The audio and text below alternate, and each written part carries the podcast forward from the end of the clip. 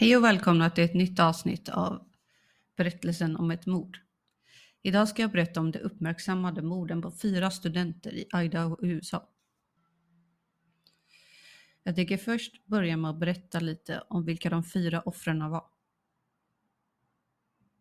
Madison Mogan. Hon föddes den 26 maj 2001. Hon älskade att resa och hennes pojkvän sa att hon alltid gjorde det bästa hon kunde utav varje situation. Hennes familj berättade att hon var en väldigt nyfiken tjej som älskade fotboll och att dansa. Hon växte upp i Idaho. Där bodde också hennes bästa vän Kaylee Gonzales. De gjorde allt tillsammans och båda deras föräldrar såg tjejerna som systrar. Hon läste marknadsföring på universitetet och jobbade extra på en grekisk restaurang. Maddie, som hon också kallades, träffade sin pojkvän Jake under skoltiden. Han beskriver henne som en otroligt fin person som visste sitt värde och man kunde alltid få stöttning av henne. De var ett par i ungefär två år innan den fruktansvärda dagen i november. Kaylee Jade Gonzales föddes i Concord, Kalifornien den 8 juni 2001. Under alla sina skolår så hade Kaylee bra betyg och fick vänner vart hon än gick. Hon var väldigt social och skämtsam. På college så hade hon som huvudinriktning allmänna studier och hon var medlem i Alpha Phi-föreningen. Hon älskade att skämta med sina vänner och familj. Och hon älskade också äventyr. Kaylee var en hårt arbetande tjej och hade alltid ett heltidsjobb vid sidan av studierna, även på gymnasiet. Hon var stark, hon var rättvis, hon var tuff, hon var hängiven, hon var vacker. Hon var och hon är kärlek sa en av Kayleys anhöriga. Maddie och Kaylee var som sagt bästa vänner. De lärde känna varandra i sjätte klass, gjorde allt tillsammans och var nu också sambos. De brukade också resa mycket tillsammans med varandras familjer. Sanna Kernodal föddes den 5 juni 2002. Hon har en syster som heter Jasmine som hon stod väldigt nära. Sanna höll mycket på med idrott under sin barndom. Hon spelade volleyboll och fotboll. Hon älskade att vara ute i naturen. Hon var en väldigt målmedveten person. När hon hade bestämt sig för något gjorde hon det. Hon älskade också att gå på konserter tillsammans med sina vänner och familj. Hon var en väldigt social tjej. Det var väldigt viktigt för Sanna att ingen skulle känna sig utanför. Sannas pappa Jeff berättade att hon var en person som ville undvika konflikter. När hon slutade i gymnasiet hade hon skrivit på sin studentmössa For the lives that I will change. Hon ville alltid hjälpa andra och det visade hon verkligen med de orden. Hon studerade marknadsföring på universitetet och hon bodde med Maddie och Kaylee i ett hus nära skolan. Hon och Maddie jobbade tillsammans på den grekiska restaurangen som jag berättade om förut. Hennes syster Jasmine påminde folk om att berätta för sina nära och kära hur mycket det betyder. Hon önskade att hon kunde fått en kram till från sin lilla syster. Ethan Chapin Ethan Chapin föddes den 28 oktober 2002. Han föddes som en trilling. Han hade en syster som hette Macy Chapin och en bror som hette Hunter Chapin. Han studerade vid University of Idaho. Han ville jobba inom idrotten så han läste till idrottsledare. Han älskade naturen och han älskade att spela fotboll. Det hade han gemensamt med sin flickvän Sana Kernodal. De hade varit tillsammans sedan sommaren 2022. Han var väldigt nära sin familj. Han och hans syskon jobbade på en tulpangård. De flyttade dit under pandemin och han älskade verkligen sitt jobb.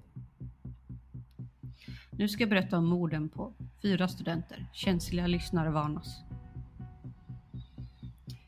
Klockan 21 på kvällen är Sana och Ethan i Sigma Kai House. Det är ett ställe där studenterna som går på universitetet i Idaho umgås och har kul. Det ligger ungefär fem minuter från hemmet. Maddie och Kaylee är på en bar i närheten och de är där i ungefär tre timmar. Men 01.30 så ser man Maddie och Kaylee på en övervakningskamera i närheten. De är då på väg för att köpa mat.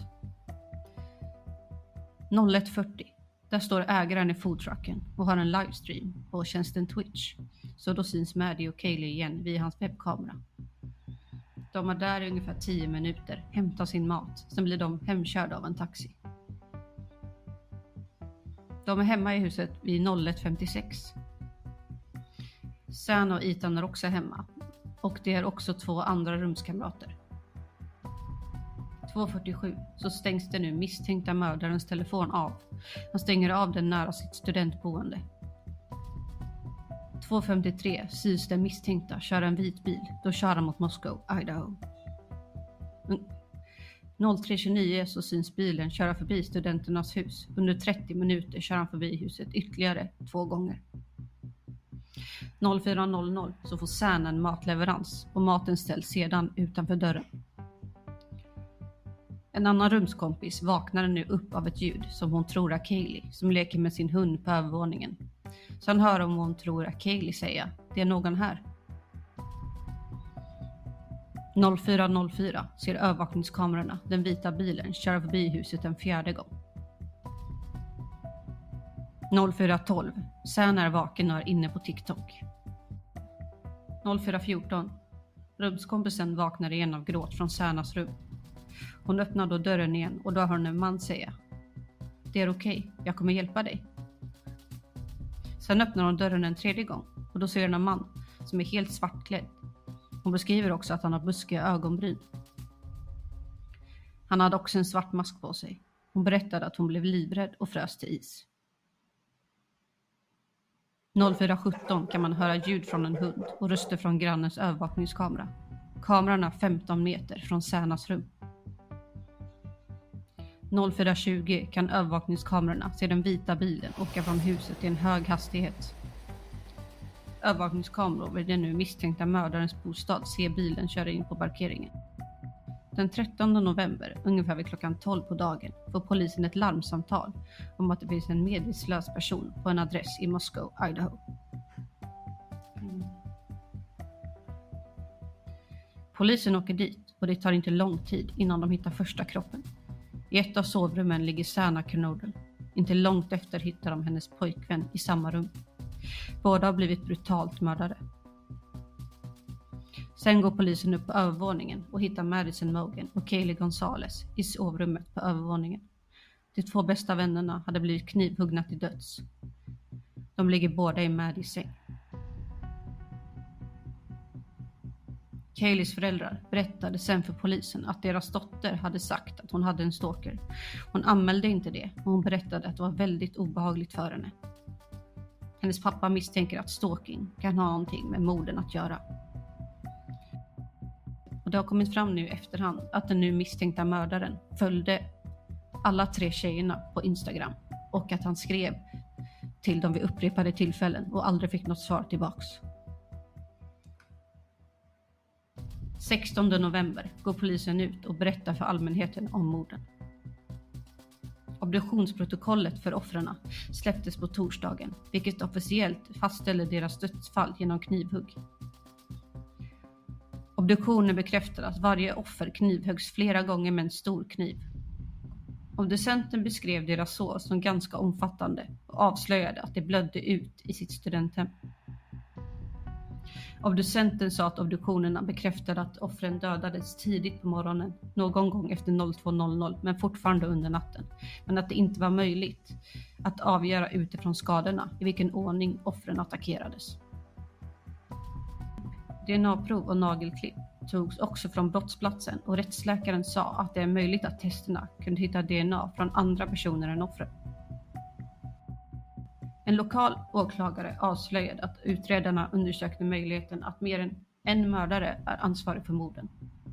Medan officerare enligt uppgift letade efter en militärliknande kabarkniv som tros vara mordvapnet. Polisen sa att mordvapnet inte hittades i huset, men de gick inte in på närmare detaljer. Polischefen sa att polisavdelningen granskade videos som har samlats in i fallet och bad invånarna att kontakta avdelningen med tips. Polisen och Kellys pappa tror att hon kunde vara det tilltänkta offret. Hon hade ju berättat för sina vänner och familj att hon hade en stalker. Hon hade mycket mer omfattande skador än de andra offren. Morden ägde rum samma dag som en beväpnad man dödade tre studenter vid University of Virginia. De lämnade University of Idahos community i väldigt stor sorg och oro. Andra studenter som bor i grannskapet sa att de skulle lämna staden med hänvisning till oro och osäkerhet över vad som hade hänt. Alla typ bara gick hem för att de är rädda, sa en student. Det är definitivt oroligt på campus just nu. 7 december sa polisen att de ville prata med föraren till en vit Hyundai Lantra 2011 13 som sågs nära brottsplatsen på morgonen då morden inträffade. Utredarna tror att passagerarna i detta fordon kan ha viktig information att dela med sig av. Två veckor senare ser de en bil som har samma märke och samma färg. Bilen står parkerad vid ett universitet. De säger att bilen är registrerad på en kille som heter Brian Koberger. Han var en elev på den skolan. Han läste kriminologi. 15 december. Polisen stannade Brian Koberger när han var i bilen med sin pappa och körde från Washington för att tillbringa semester med familjen i Pennsylvania. Polisen berättade sen att de var på väg till 28-åringen och Indiana-polisen stannade Brian två gånger under deras resa. Polisen har sen berättat att de stoppade honom på grund av att de ville få bilder på hans händer. Det är inte klart varför bilder på Coburgers händer var viktiga för utredningen eller om polisen lyckades få tag i något av intresse genom att utföra stoppet den 15 december. Slutligen runt 01.30 den 30 december slog lokalpolis och FBI in i ett hem i Albertsville, Pennsylvania och arresterade den 28-åriga kriminologistudenten vid namn Brian Christopher Coburger. Enligt rapporter verkade fastigheten vara Coburgers föräldrars hus en vit Hyundai Elantra beslagtogs också. News Nation-korrespondenten Brian Enting sa att den misstänkte frågade om någon annan var arresterad och han hade en tyst tom blick med hänvisning till inre källor. Senare samma dag höll åklagare sin första presskonferens sedan den 23 november och avslöjade att Coburger hade åtalats för fyra fall av mord.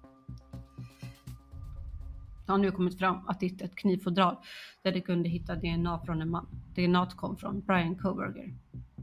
Knivfodralet låg i offret Maddie Mogans säng. 4 januari. Den misstänkte återvände till Idaho. 28-åringen anlände till Idaho sent på kvällen där en grupp poliser körde in den misstänkta i en väntande bil. 5 januari. Efter veckor av utredningar fick både polisen och samhällsmedlemmar äntligen vad de ville ha, en misstänkt. I Idahos domstol åtalad för mordet på de fyra studenterna. Brian Koberger dök upp i en domstol i Lata County för första gången, där han hörde anklagelserna mot honom, fick sina rättigheter till borgen återkallade och mötte gråtande familjemedlemmar till hans dödade offer. Koberger dök upp i Lata County Courthouse med skärsår i ansiktet när han avstod från sin rätt till en snabb rättegång anklagad för mord. 5 maj. Rättsdokument som släpps av myndigheterna i Washington visar att flera föremål som tagits från den 28-åriga Brian Kobergers lägenhet i Pullman genomgått en blodanalys. De flesta kom tillbaks negativa, men två var positiva. Dessa föremål var ett madrassöverdrag på sängen och en kudde utan fodral som båda beskrevs av synliga rödbruna fläckar. Det framgick inte vem blodet tillhör. Maj, Sex månader efter att offren dödades i sömnen i sitt hem utanför campus fick deras nära och kära ta emot utmärkelserna under två separata ceremonier. Gonzales fyra syskon fick sin systers allmänstudiediplom medan Mogans föräldrar fick hennes marknadsföringsexamen. Canoles familj accepterade hennes certifikat i marknadsföring vid en tidigare privat ceremoni. Medan Shapings pris inom sport och management skickades till hans föräldrar. 16 maj, en stor jury åtalade Koberger för inbrott och fyra fall av mord. Kobergers åtal innebär att jurymedlemmarna i den stora juryn tror att det finns tillräckligt med bevis mot honom för att fallet skulle kunna gå vidare till en rättegång. 22 maj. Hans advokat sa att han är tyst om anklagelserna. Flera med medlemmar av Kaeli Gonzales familj var närvarande i rättssalen, vända mot mannen som anklagas för att döda deras 21-åriga dotter då han vägrade att inkomma med en vädjan. Domaren fastställde Coburgers rättegångsdatum till 2 oktober 2023 efter begäran från Coburgers advokat hos staten. Rättegången väntas ta cirka sex veckor. Tack så mycket för att ni har lyssnat.